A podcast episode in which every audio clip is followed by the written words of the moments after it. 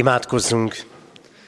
Istennek szent lelke, szállj le mi közénk, szenteld meg szívünket és figyelmünket. Ámen.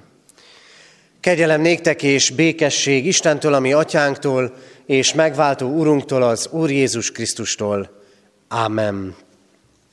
Kedves testvérek, Isten tiszteletünk kezdetén a 23. Zsoltár első versét énekeljük. 23. Zsoltárunk első verse így kezdődik. Az Úr én nékem, őriző pásztorom.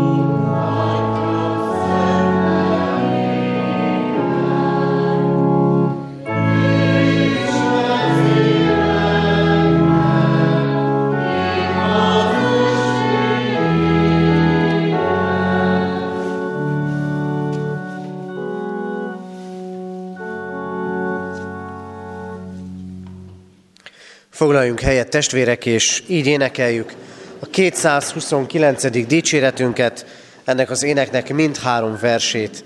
229. dicséretünk így kezdődik, Hű pásztorunk, vezesd a te árvanyájadat.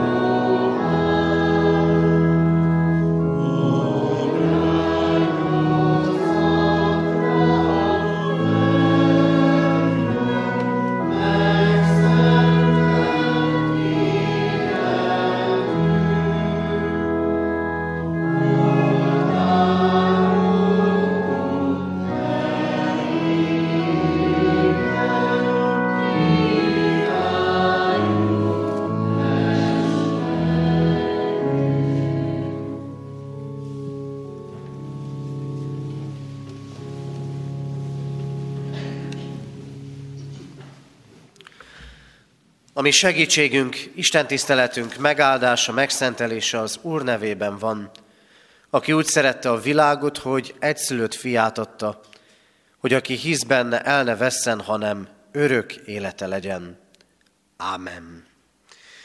Hallgassuk meg Isten igéjét, ahogy szól hozzánk ezen a vasárnapon, János evangélium a tizedik fejezetéből, a tizedik fejezet tizenegyedik versétől a tizennyolcadik verséig. Isten igéje így szól. Én vagyok a jó pásztor. A jó pásztor életét adja a juhokért. Aki béres és nem pásztor, akinek a juhok nem tulajdonai, az látva, hogy jön a farkas, elhagyja a juhokat és elfut. A farkas pedig elragadja és szétkergeti őket. A béres azért fut el, mert csak béres, és nem törődik a juhokkal. Én vagyok a jó pásztor, én ismerem az enyéimet, és az enyéim ismernek engem. Ahogyan az atya ismer engem, én is úgy ismerem az atyát, és én életemet adom a juhokért. Más juhaim is vannak nekem, amelyek nem ebből az akolból valók, azokat is vezetnem kell, és hallgatni fognak a hangomra, és akkor lesz egy nyáj, egy pásztor. Azért szeret engem az Atya, mert én odaadom az életemet, hogy azután újra visszavegyem. Senki sem veheti el tőlem. Én magamtól adom oda. Hatalmam van arra, hogy odaadjam, és hatalmam van arra, hogy ismét visszavegyem. Ezt a küldetést kaptam az én atyámtól. Isten szent lelke tegye áldássá szívünkben az igét, és adja meg nekünk, hogy üzenetét ne csak halljuk, hanem értsük és befogadjuk. Így könyörögjünk a mi Urunkhoz.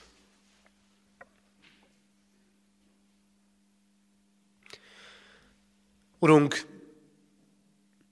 köszönjük neked azt, hogy Te pásztorunk akarsz lenni. Köszönjük neked, hogy te gondoskodó szeretettel veszel körül bennünket. Áldunk azért, mert megmutatod, ki vagy te, és meg akarod ismertetni velünk az élet útját. Áldunk téged, Urunk, azért, mert szól a te igéd, mert bizonyságaid itt vannak ebben a világban. Áldunk azért, mert arra hívtál bennünket, hogy tanúi legyünk a te erődnek, hatalmadnak. Arra hívtál bennünket, hogy részesüljünk a te áldásaidban. Hogy a hétköznapjainkban is megtapasztaljuk a te jelenlétedet. És nem csak gondoskodásodat, hanem a te megváltó, életet újító, gondviselő szeretetedet is. Urunk, áldunk téged azért, mert úgy vezetsz bennünket, hogy nem csak a földi élet dolgaiban tanácsolsz és mutatsz utat, hanem teszed mindezt úgy, hogy a keskeny útra, az örök élet útjára hívsz bennünket. Látod, Urunk, mennyi kétség van bennünk. Látod, mennyi viaskodás hitünkért, kísértések, próbák és nehézségek közt. Mégis, Urunk, Hálásak vagyunk, hogy ott voltál velünk az elmúlt héten is. Hogy velünk voltál akkor, amikor tettük a dolgunkat, végeztük a feladatainkat. Köszönjük, hogy így lehetett áldás a munkánkon. De velünk voltál otthonainkban. Velünk voltál és megóvtál minket balesettől, bajtól, nehézségtől. De ott voltál a sír mellett is. Hirdetted a feltámadás evangéliumát, és reménységgel támogattad az életünket. És ott voltál velünk akkor, amikor elcsüggettünk, amikor erőtlennek és tehetetlennek éreztük magunkat. De ott voltál akkor is, amikor örömök értek bennünket. Köszönjük, Urunk, hogy mindent a Te jelenlétedben lehet megélnünk. Bocsáss meg nekünk, Istenünk, hogyha Te szóltál, mi mégsem hittünk, ha utat mutattál, és mi mégsem engedelmeskedtünk neked. Kérünk téged, Urunk, hogy ami mostani velünk való találkozásunk, hadd szóljon arról, hogy hitre jut az életünk, hogy ebben a hitben, a Te utadon való járásban megerősödünk. Ezért kérjük lelked erejét, kérjük az örök igét, szólaljon meg itt és most, egészen személyesen mindannyiunk számára. Kérünk, Urunk, fogadd el az életünket, és újíts meg bennünket a benned való hitben. Így kérünk, hallgass meg, Atya, Fiú, Szentlélek Isten. Amen. Készüljünk Isten igének hallgatására az 512. dicséret első versét énekelve. Az 512. dicséretünk első verse így kezdődik. Szólj, szólj hozzám, Uram! Az ének alatt a gyerekeket várjuk a gyermekisten tiszteletem. thank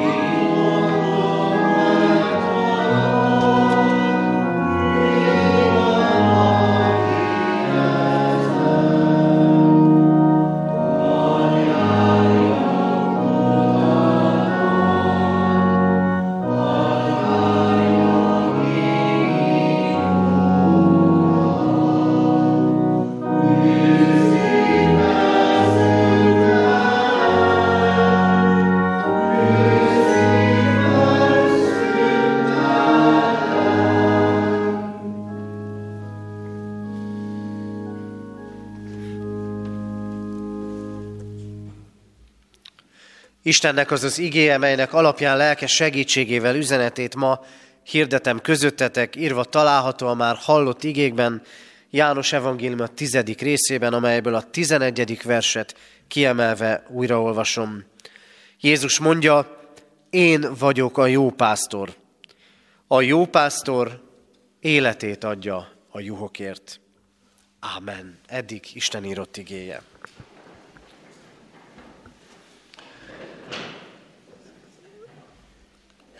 Kedves testvérek, ahogy Jézus Krisztus járta Galilea és Júda vidékeit, akkor látva az ő csodáit, látva az ő erejét, emberek csatlakoztak hozzá. Szerettek volna minél többet átélni és megtapasztalni belőle. És egyik ilyen alkalommal azt olvassuk, Jézus elkezdett szánakozni a sokaságon. És a Szentíró el is mondja, hogy miért. Jézus szánakozott a sokasságon, mert olyanok voltak, mint a pásztor nélküli nyáj. Idézzük fel ezt a képet. Pásztor nélküli nyáj. Nem nagyon látunk ilyet a nagy magyar alföldön. Ahol nyáj van, ott kell lenni pásztornak. De milyen egy pásztor nélküli nyáj? Nem talál legelőt, védtelen, kiszolgáltatott, nem látja a célt, nem is láthatja. És úgy folytatódik a történet, hogy Jézus megszánta ezt a sokaságot. Mert a pásztor nélküli nyájnak, a vezetés nélküli embernek pásztorra, vezetőre van szüksége. Én vagyok a jó pásztor, mondja Krisztus. Ti pedig, emberek, nélkülem, mondja Jézus, olyanok vagytok, mint a pásztor nélküli nyáj. Ezért fel kell tennünk a kérdéseket, kedves testvérek, van-e pásztorunk? Van-e, aki eltanácsol bennünket az élet dolgaiban? Van-e lelki vezető? Van-e olyan lelki vezető, aki a pásztorhoz vezet. És ha van, akkor hallgatunk-e rá? Van-e biztonságunk? Biztonságunk a mindennapokban. Vagy ebben is olyanok vagyunk, mint a pásztor nélküli nyáj, hogy végtelenül kiszolgáltatott mindennek. Kedves testvérek, én azt látom, hogy a mai ember végtelenül kiszolgáltatott mindennek. Ideológiáknak, új és új hullámos dolgoknak, amiben aztán sok pénzt is beleteszünk, csapódunk ide és csapódunk oda. Olyanok vagyunk-e, mint a pásztor nélküli nyáj? Van-e legelője az életünknek? Ahol, ahol tágasság van, ahol nincs félelem és nincs szorongattatás, ahol békében élhetünk, és minden, ami van, az elég. Van-e elég testi, és van-e elég lelki a mindennapokhoz? Igen, kedves testvérek, Jézus, aki jó pásztorként keres bennünket, azt mondja, nem kevesebbre van szükségünk, mint ő rá. Mert vezetésre van szükségünk. Olyan vezetőre, aki felettünk van, és aki szeliden pásztorol bennünket. És ehelyett sokszor mi van? Értsétek jól, nem úgy viselkedünk, mint a nyáj, hanem mint a birkák. Mennyire jellemző ránk a csorda szellem, még akkor is, hogyha sokszor azt mondjuk mi, biztosan nem. Mennyire jellemző ránk a sodródás, mennyire jellemző, hogy a saját fejünk után megyünk, mennyire jellemző korunk emberére, korunk magát felvilágosultnak gondoló emberére a megvezetettség, a félrevezetettség. Mennyire jellemző, hogy nincsenek lelki példák előttünk. És csak bátortalanul kérdezem, mennyire vagyunk mi lelki példává? Lelki vezető nélkül éljük az életünket. Nincs már meg az, ami régen sem volt általános, mégis előfordult, hogy volt a családban lelki vezető. Mi férfiak vagyunk-e lelki vezetők, lelki pásztorok a saját családunkban?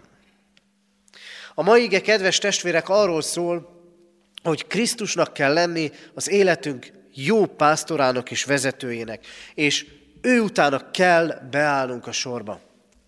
Mert ez jelenti a biztonságot, ez jelenti a szabadságot, ez jelenti azt, hogy nem kell megvezetetnek lennünk. Miért lehet ez így? Azért először is, kedves testvérek, mert Krisztus, mint jó pásztor, teljesen odaadja magát értünk. Teljesen odaadja magát értünk. Hallottátok az igében, Jézus mondja, én vagyok a jó pásztor. És rögtön van itt egy ellentét pár a pásztor és a béres között. A kettő közötti különbség az, hogy a pásztor életét adja a juhokért, a béres pedig, amint látja jönni az ellenséget, elfut. Hagyja elveszni a nyájat. Ezzel, kedves testvérek, Jézus Krisztus ebben a példában azt is elmondja nekünk, hogy van ellenség. Van ellenségünk akkor, amikor követni akarjuk Krisztust. Van ellenségünk akkor, amikor ő összehív, összegyűjt bennünket, hogy egy nyáj legyünk. Van ellenség a mindennapjainkban, aki ellehetetlenít. Van ellenség, aki akadályokat gördít elénk. Ez sok minden lehet. Vagy sok mindenre ellenségként gondolhatunk. Lehet, hogy még emberekre is. Krisztus azt mondja, vannak farkasok. Krisztus tudja, küzdünk ellenségekkel. Talán bennünk lévőkkel, talán külsőkkel, de egyéb iránt egészen világosan rámutat az Isten igéje arra, hogy a mi harcunk, a mi, mi küzdelmeink elsősorban nem testi erők ellen folynak, hanem lelki hatalmasságok ellen. Pálapostól sokat szentelennek leveleiben. Van, aki el akar ragadni bennünket, aki megrövidíteni akar, aki az életünk összeomlását akar, és minden ilyen mögött ki kell mondanunk a farkas, a példázat nyelvén a farkas, vagyis a sátán áll. És igen, nézzétek, azt mondja itt Krisztus, hogy jönnek farkasok, akik kiragadnak a nyájból, akik szét akarják széleszteni a nyájat. Hát nézzétek, nem szétszéledő nyájat látunk. Nem szétszélednek a családjaink. Nem szétszéled a gyülekezetünk. Nem szétszéled az egyházunk. A pásztorban van a hiba. Nem a pásztorban van a hiba. A pásztor jó. És a pásztor meg tudja tartani azokat, akik bíznak benne.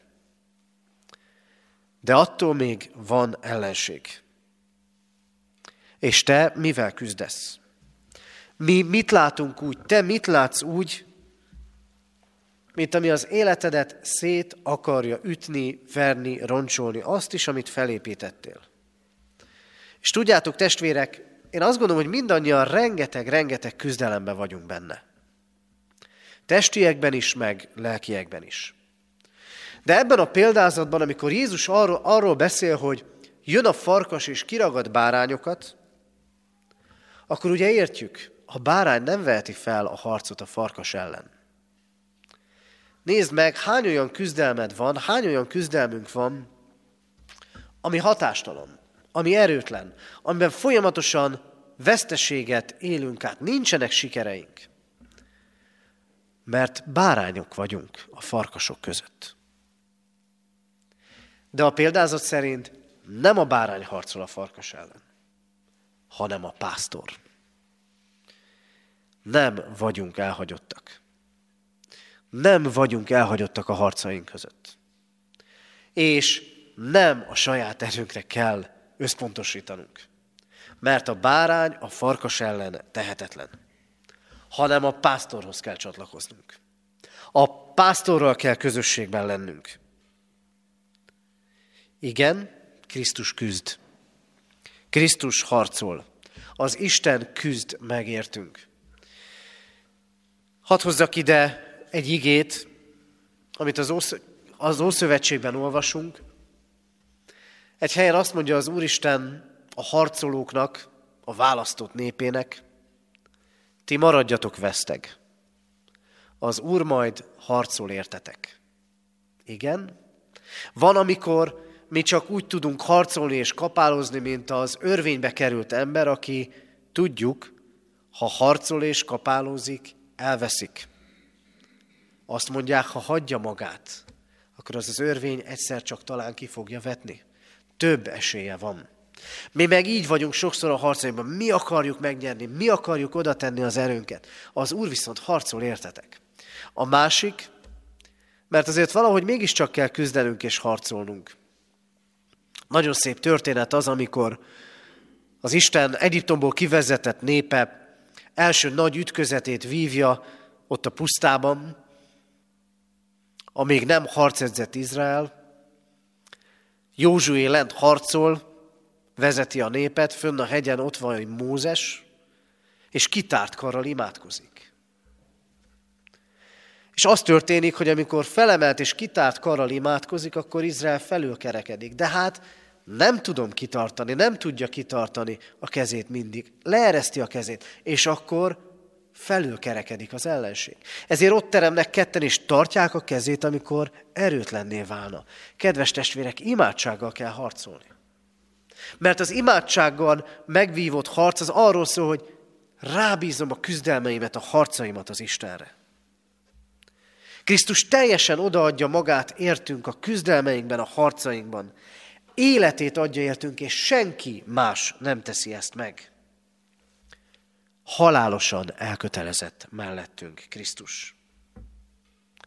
Életét adja a juhaiért. Igen, ez az ige arra késztet, hogy feltegyem a kérdést. Magamnak is, nektek is. Ki áldozná fel az életeit, érted? A szülő, az édesanyja, az édesapád, a gyermeked, az unokád, a barátod? Ki áldozná fel érted az életét? Meg is fordíthatjuk a kérdést. És te kiért halnál meg? A környezetedben. anyai, apai ösztön közepette. Kiért, kikért. És igen, lehet, hogy tudunk mondani mind a kettő esetben embereket. De menjünk tovább. És az ellenség? Van olyan ember, akit nem szeretsz? Van olyan ember, aki ellenségként gondol rád, vagy akire te gondolsz ellenségként? Odaadnád az életedet érte? Sok áldozatot hozunk másokért. Az életünk erről szól. Lemondásokat teszünk, és nagyokat vállalunk. De van határa ennek. Krisztus azt mondja, van-e nagyobb szeretet annál, ha valaki életét adja barátaiért, sőt ellenségeiért? Ő megteszi.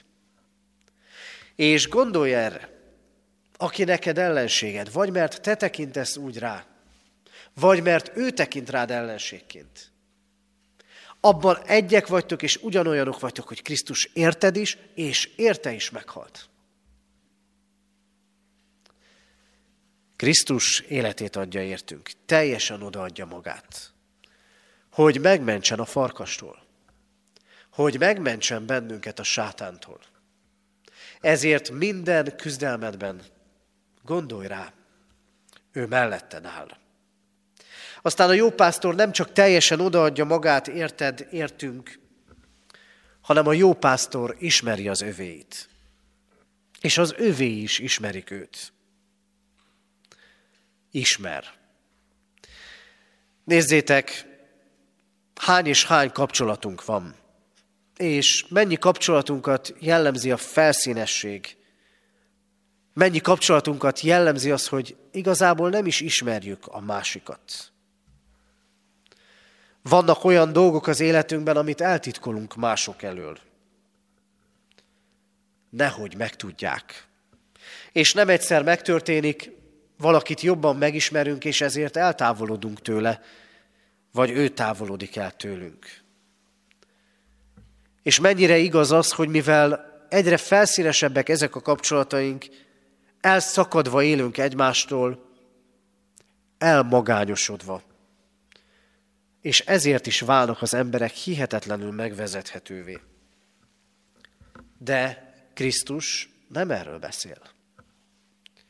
Azt mondja, én ismerem az enyéimet. Az az Isten ismer téged, aki az életét adja érted. Úgy is fogalmazhatnék, az életét adja, mert ismer. Nem kell félnünk ettől az ismerettől. Nem kell félnünk attól, hogy az Isten tud rólunk mindent. Éppen azért nem, mert életét adta értünk. Krisztus, mint jó pásztor, ismer bennünket. Tudja, hogy ki vagy. Tudja, mik az értékeid. Tudja azt, hogy miben van jó, vagy jó, és miben nem. Tudja, hogy hasznos és értékes vagy, és használni akar használni a világban és használni az ő országának építésében. Megbízott feladatokkal ebben a világban. Krisztus, mint jó pásztor, ismer. Tudja a küzdelmeidet, a kudarcokat, a félelmeket, a titkokat, az aggódásokat. Igen, mert a jó pásztor naponként számba veszi a nyáját bennünket is. Mindent tud rólunk. Nem vagyunk egyedül. És amikor a jó pásztor ismer bennünket, akkor tudja a védkeinket is. De újra mondom, éppen ezért adta az életét értünk. És amikor a jó pásztor ismer, az nem olyan, mint amikor jönnek felvételizni a református gimnáziumban diákok, van egy lap, az alapján van néhány információ. Van néhány percünk beszélgetni. Egy felvételi időszakban mondjuk száz gyerek. Nem így ismer az Isten. Öt perce van ránk. Ez az ismeret, amiről itt beszél Krisztus, hogy a jó pásztor ismeri az övéit, ez egy végtelenül személyes közösséget jelent. Nagyon közeli. Közösség. Ahogy a tanítványokkal élt. Mindent tudva róluk. Úgy tud rólunk is mindent. És tudja ki az atya, és megismerteti velünk az atyát. És itt egy nagyon fontos üzenet lesz, kedves testvérek, nincs Isten ismeret Krisztus, Krisztus ismerete nélkül. Ha valakinek csak Istene van és nincs Krisztusa, akkor nem ismeri Istent atyaként. A jó pásztor ismer bennünket. És végezetül a jó pásztor vezet bennünket. Persze föltehetjük a kérdést, kell-e nekünk vezetés? Kell-e nekünk útmutatás? Úgy is megkérdezhetném, az élet mindennapi dolgaiban kihez fordulsz tanácsért? Van olyan, akivel mindent meg tudsz beszélni? Aki eltanácsol az élet dolgaiban? Aki eltanácsol az életed különböző próbáiban? Aki segít, amikor össze kellene rakni magad, mert éppen nehéz időket élsz. Aki segít akkor, amikor házasságban vannak problémák, a gyereknevelésben vannak problémák, amikor erőfeletti utak vannak az életünkben. Van valaki? Egészen megdöbbentő az, hogy miközben évtizedeket tanul valaki, hogy mondjuk diplomát szerezzen, és az még nem garancia semmire, az életet kitől tanuljuk? És azt gondoljuk, hogy 20-30 éves korunkra mindennek a birtokában vagyunk. Kedves testvérek, az, hogy Krisztus azt mondja, én vagyok a jó pásztor, az azt jelenti, hogy egész életedben, az életed végéig van valaki, aki vezetni és tanácsolni akar az élet dolgaiban. Az én juhaim hallgatnak rám, mondja Krisztus. Ő ismer, de te ismered őt? A tanítványok életközösségben voltak vele. Sok mindent megéltek abban a három évben, amikor követték őt. Az igaz ismerethez ez kell. Követni Krisztust. Hallgatni rá. De akkor ismerték meg igazán őt, amikor eljutottak a keresztig, és eljutottak a feltámadásig, és átélték a megbocsátást. Igen, nincs igaz Isten ismeret anélkül, hogy ne jussunk el, és ne értsük meg azt, hogy mit jelent Krisztus keresztje az én életemre nézve. És nincs igaz Isten ismeret, anélkül, hogy ne élnénk meg az ő megbocsátó kegyelmének fölszabadító erejét. Személyesen kell átélni. Az én juhaim, mondja Krisztus, hallgatnak rám. Igen, mert Krisztus vezetni akar legelőkre, bőséges helyekre, védeni akar és rendet adni az életünkbe. De láttunk már olyat, hogy valaki nem hagyja, hogy vezessék. Mint a kisgyerek, aki 14 hónaposan is már a saját útját akarja járni. Hallgatunk rá? Mert ő szól. Az én juhaim hallgatnak a szavamra. Nagyon egyszerű lemérni azt, hogy az Isten nyájának a tagja vagy-e. Ha hallgatsz rá, akkor igen. Ha nem hallgatsz rá, ha meg tudod indokolni, hogy miért nem engedelmeskedsz neki, akkor nem vagy még a nyájának a tagja. De az lehetsz. Hallgatsz-e az ő igéjére? Az ő vezetésére? Tanácsaira? Végasztalására? Ha nem, akkor is hív, hogy légy a követője. Ha igen, akkor gondolj arra, mindvégig vezetni akar egész életedben, hogy megérkezzünk oda, az elkészített üdvösségre. Kedves testvérek, Jézus azt mondta, hallottátok egyszer a tömegről, olyanok, mint a pásztor nélküli nyáj. Ő pásztorként van jelen az életünkben. Vajon mi pásztor nélküli nyájként viselkedünk? A magunk életében, a családunkban, a gyülekezetünkben, vagy úgy élünk, mint akinek van pásztora. Éljetek így, mert Krisztus ismer, mert Krisztus az életét adta, mert Krisztus harcol értetek, mert Krisztus hív, megerősít, és csak azt kéri tőlünk ma is. Hallgassunk az ő szavára. Ámen. Kedves testvérek, Isten üzenetére válaszul a 434. dicséretünk első versét énekeljük. 434. dicséretünk így kezdődik. Vezes Jézusunk, és véled indulunk.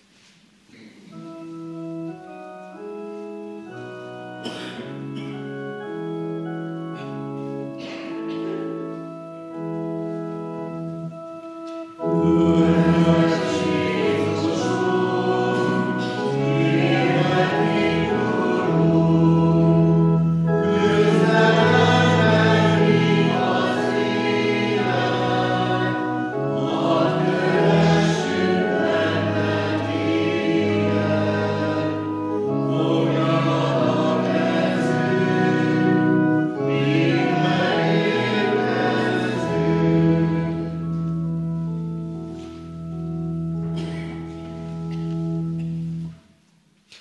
Helyünkön maradva imádkozzunk. Urunk, köszönjük neked azt, hogy te ismersz bennünket. És hogy emiatt mégsem kell attól tartanunk, hogy megutálsz bennünket, vagy valami olyat találsz az életünkben, ami miatt némává lennél, és nem szólítanál bennünket többet. Köszönjük neked, Urunk, hogy te kegyelmesen tekintesz ránk hogy tudod, nélküled olyanok vagyunk, mint a pásztor nélküli nyáj. Urunk, a téveegésnek annyi jelét látjuk a világban. És amikor magunkra gondolunk, akkor szeretjük azt hinni, hogy mi nem, mi nem olyanok vagyunk, mint a többiek. De a te igéd világos, aki nem a te utadon jár, aki nem téged követ, az tévejeg, az rossz úton jár. Urunk Jézus Krisztus, ezért kérünk téged, hogy hadáljunk meg alázattal és téged dicsőítve előtted, mert életedet adtad értünk. Mert megváltottál bennünket.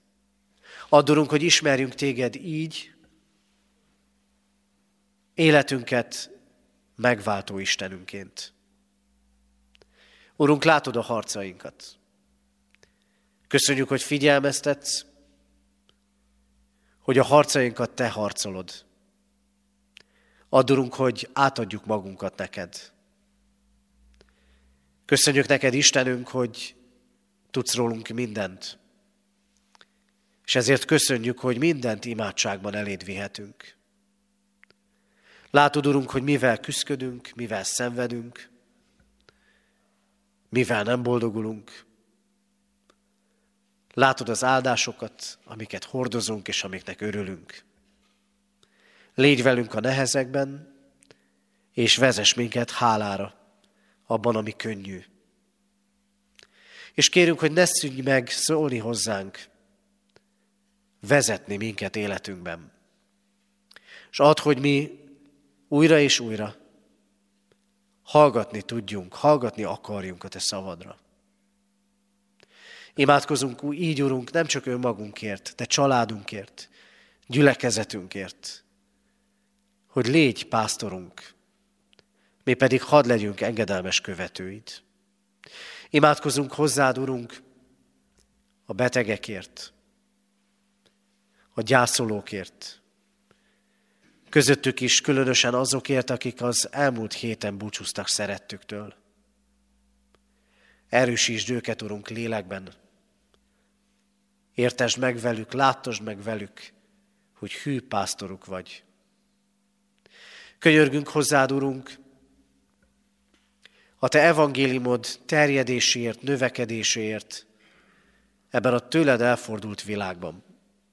És könyörülj rajtunk, hogy kis bolytáraitként hadd tudjunk másokat hozzád vezetni a jó és hűséges pásztorhoz.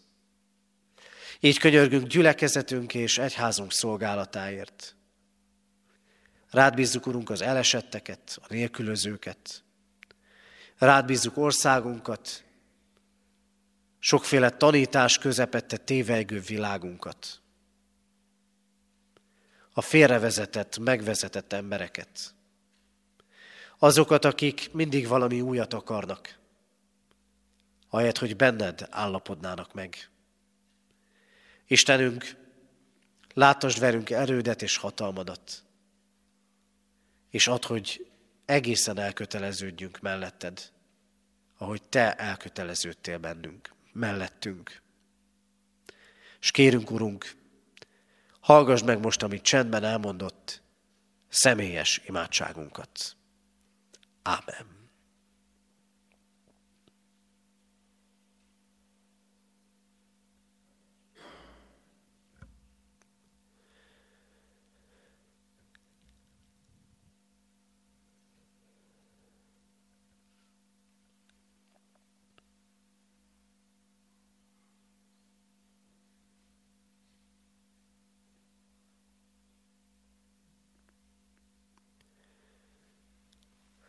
Legyen áldott a Te neved, Urunk, mert meghallgatott könyörgéseinket. Amen. Fennállva imádkozzunk, ahogy a mi Úrunk Jézus Krisztus tanított bennünket. Mi, Atyánk, aki a mennyekben vagy, szenteltessék meg a Te neved. Jöjjön el a Te országod, legyen meg a Te akaratod, amint a mennyben, úgy a földön is. Mindennapi kenyerünket add meg nékünk ma, és bocsáss meg védkeinket, éppen mi is megbocsátunk az ellenünk védkezőknek. És ne vigy minket kísértésbe, de szabadíts meg a gonosztól, mert tiéd az ország, a hatalom és a dicsőség.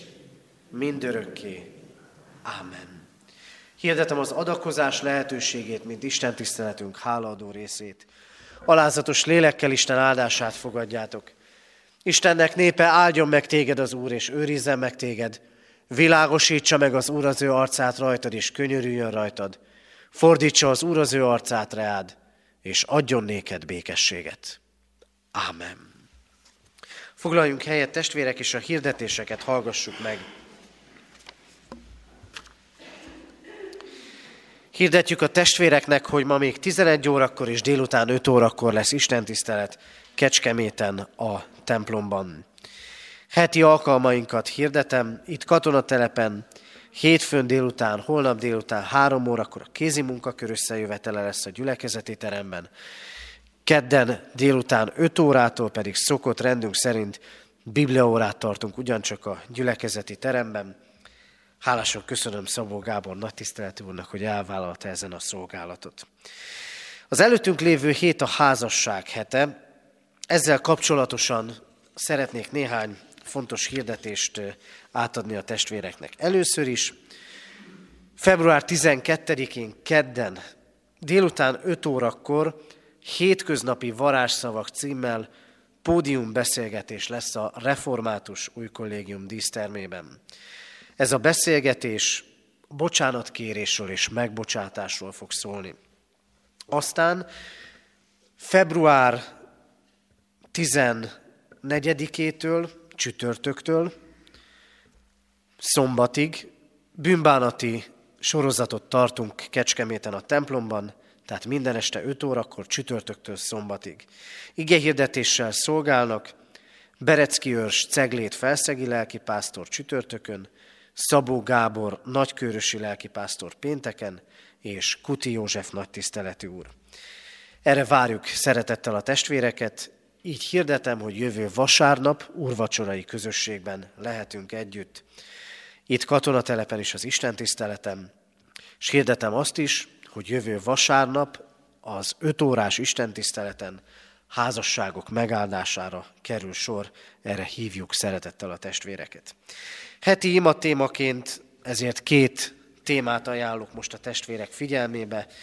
Imádkozzunk a házasságban élőkért, a házasságra készülőkért, és azokért, akik egyedül vannak, az Úr ajándékait mindannyian megtapasztalhassák. A másik, amiben a testvérek imádságát kérem, minden esztendőben így év elején a gyülekezet lelkipásztorai néhány napra el szoktunk vonulni közös csendességre, útkeresésre.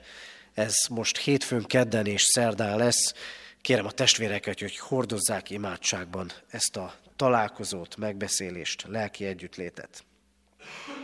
Imádkoztunk az elmúlt héten eltemetett Miklovics József 88 éves, Szabó Lászlóné Bárdi Zsuzsanna 64 éves, Petri Lászlóné Darányi Zsuzsanna 84 éves, Bajáki Erika Rózsa 51 éves, Özvegy Nyúl Alajosné Turkevi Nagy Irén 83 éves, Juhász Gyuláné Bárány Erzsébet 74 éves, és dr. Konc Jakabné Hatházi Anna Mária 89 éves korában elhunyt szeretteiket gyászoló testvéreinkért. Halottaink vannak. Hrabowski János 75 esztendőt élt. Temetése szerdán 11 órakor a református temetőben lesz. Dr. Véglajos 84 esztendős korában hunyt el. Temetése pénteken 3.4.10-kor a köztemetőben lesz. És özvegy Major Istvánné Tóth Lídia 89 évet élt. Őt pénteken délután három órakor temetjük. Isten vigasztalását kérjük a gyászolók életére. Adományok érkeztek az elmúlt héten. Egyház fenntartó járulékként 133 ezer forint, Isten dicsőségére 50 ezer, szeretet hétre 2000, Széchenyi Városi Misszióra 70.900, Szőlőskertre 5000 forint, és a Rádai Kollégiumban a tűzben kárt szenvedettek javára 107.890 forint. Ahogy hirdettem, múlt vasárnapi persejpénzünk a Rádai kollégium újjáépítését, illetőleg a kárt vallottak megsegítését segíti. Itt katonatelepen a múlt vasárnapi persejpénz 85.800 forint volt, és ezt is természetesen erre a célra fordítjuk. Még néhány katonatelepi hirdetést szeretnék a végén átadni a testvéreknek. Először is a már hirdetett heti alkalmakon túl, pénteken este 6 órától egy közös beszélgetésre várjuk a testvéreket a gyülekezeti teremben, péntek este 6 órától, ameddig kedvünk tart, együtt lehetünk. Az ifjabb korosztálynak szól a szombati programunk, délután 4 órától farsangi játékos együttlétet készítünk a gyerekeknek. Várjuk erre őket, és kérem a szülőket, a nagyszülőket, hogy jöjjenek, illetve hozzák el a gyermekeiket. Arra kérem a testvéreket, hogy jelezzék, hogy kik azok, akik jönnek, hogy tudjuk, hány gyerekkel számolhatunk. És már most hirdetem, hogy mához két hétre, 24-én az Isten tisztelet után teázásra várjuk a testvéreket, ott is kötetlenül lehetünk együtt. És végezetül, ahogyan látták a testvérek, egy kis változáson ment át a templom környéke az elmúlt vasárnaphoz képest is, hiszen részben a felső termőréteget elvitték itt a parkoló körüli ágyásokban, másrészt pedig kivételre került a sövény, ami öreg is volt már, és zavarta is az autóból kiszállókat. Az a tervünk, hogy ezen a tavaszon rendbe tegyük a parkolót, környékét, hozatunk egy kevés földet, mulcsot fogunk tenni a, a földágyásokra, illetőleg majd növényekkel fogjuk beültetni ezt a területet. Ezt a célt szolgálja majd a fali persely, erre ugye egész évben gyűjtjük, ott egész évben gyűjtjük a az adományokat. A tavaszi időszakban alapvetően erre szeretnénk fordítani. Kérem a testvéreket, hogy egyrészt így készítsék az adományokat, másrésztről pedig majd meg fogunk hirdetni olyan időpontokat, amikor mind férfi, mind női kezekre szükség lesz a terület rendezésében. Ez március valószínűleg második felében lesz, tartsuk ezt emlékezetünkben, tudatunkban, és minél előbb szeretném majd pontos időpontot is mondani, amikor ebben előre léphetünk. Adja Isten, hogy így a rendezett környezetünk is majd arra mutasson, hogy az Isten a rend Istene, és az Isten az, aki szépséget ad ebben a világban. Legyünk ebben munkatársai itt is. Az Úr legyen a mi gyülekezetünk őriző pásztora. Záró énekünket énekeljük a 23. Zsoltár második és harmadik verseit. 23. Zsoltár második és harmadik verseit énekeljük. A második vers így kezdődik. Ha a halál árnyékában járnék is, de nem félnék még ő sötét völgyén is. thank